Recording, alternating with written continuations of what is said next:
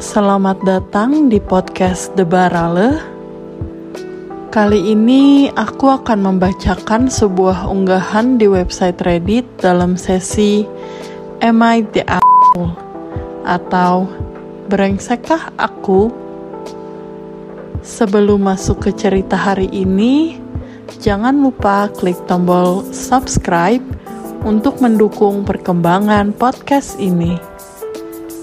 Terima kasih banyak bagi kalian yang sudah subscribe.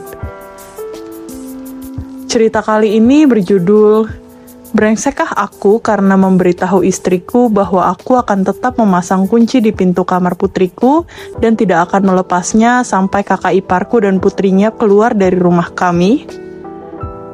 Kakak iparku bernama Semi dan Semi diusir dari rumahnya tak lama setelah Semi bercerai dengan istrinya 10 bulan yang lalu. Semi adalah adik dari istriku. Beberapa bulan kemudian, Semi pindah untuk tinggal bersama keluargaku dan membawa putri kembarnya yaitu Olivia dan Sloane yang berusia 18 tahun. Aku dan istriku memiliki satu putri bernama Zoe yang berusia 16 tahun. Zoe dan sepupunya tidak dekat tetapi tetap hidup rukun. Olivia dan Sloane sama sekali tidak menghormati privasi Zoe. Mereka sering masuk ke kamarnya dan mengambil semua barang yang mereka inginkan di kamar Zoe, seperti make up, aksesori HP, pakaian, laptop sekolah Zoe, dan lain-lain. Zoe sering mengeluh mengenai hal tersebut dan aku sudah meminta Olivia dan Sloane untuk menghormati privasi Zoe dan berhenti mengambil barang tanpa meminta izin dari Zoe. Istriku dan Semi tidak menanggapi dan menganggap bahwa hal tersebut bukanlah masalah yang perlu dibesar-besarkan. Lagi pula, Olivia dan Sloane merupakan gadis remaja dan berperilaku wajar seperti para gadis remaja lainnya. Aku sangat tidak setuju dengan pendapat mereka.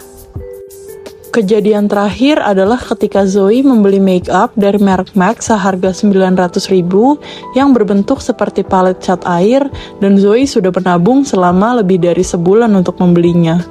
Dan salah satu sepupunya yaitu Sloane mengambilnya tanpa izin dan merusaknya dengan mencampurkan beberapa warna dalam satu palet hingga beberapa warna menjadi berantakan dan bercampur antara satu dengan yang lainnya. Aku tidak tahu banyak tentang make up, tetapi itulah yang dikatakan Zoe ketika dia menemukan make up miliknya tergeletak di kasurnya dan langsung menangis kepadaku. Aku memberitahu istriku dan dia berkata dia akan meminta Sloane untuk meminta maaf kepada Zoe. Tetapi aku langsung bertindak dengan memasang kunci di pintu kamar Zoe. Apalagi setelah aku mengetahui bahwa Zoe memilih untuk menitipkan barang-barang berharga miliknya di luar rumah karena kejadian ini. Semi dan putri kembarnya kesal ketika melihatku memasang kunci di kamar Zoe. Semi berkata, putri kembarku bukan pencuri. Itu hal yang normal bagi para gadis dengan usia yang sama untuk saling meminjam barang. Semi mengatakan bahwa Zoe bisa saja membeli makeup lain yang murah agar tidak menghambur-hamburkan uang dan menyarankan istriku untuk memperbaiki sikap buruk dari Zoe ini karena berusaha lebih tampil dari usia yang seharusnya. Semi juga menuduhku terlalu protektif dan bereaksi berlebihan ketika membela Zoe. Aku mengatakan kepada Semi bahwa ini adalah urusan pribadi antara aku dan istriku. Tetapi Semi mempermalukanku dengan mengatakan bahwa aku sengaja memasang kunci pintu kamar Zoe di hadapan mereka, dan tindakanku akan mencegah anakku dan para sepupunya untuk menghabiskan waktu bersama.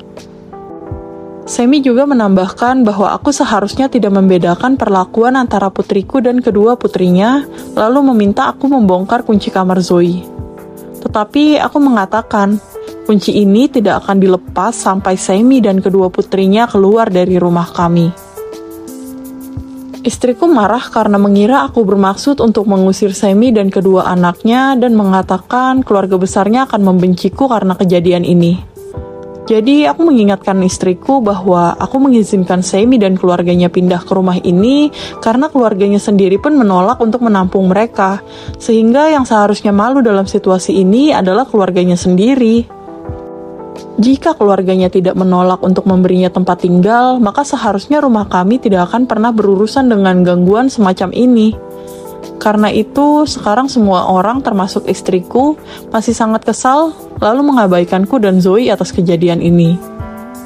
Jadi, brengsekah aku karena memasang kunci di pintu kamar putriku?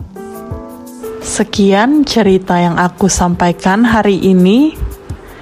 Jika kalian menyukai cerita hari ini, silakan klik tombol like dan klik tombol subscribe jika kalian ingin mendengarkan episode terbaru dari podcast ini. Terima kasih sudah mendengarkan episode ini hingga selesai, dan mohon maaf jika terdapat kesalahan dalam penerjemahan cerita hari ini. Dah.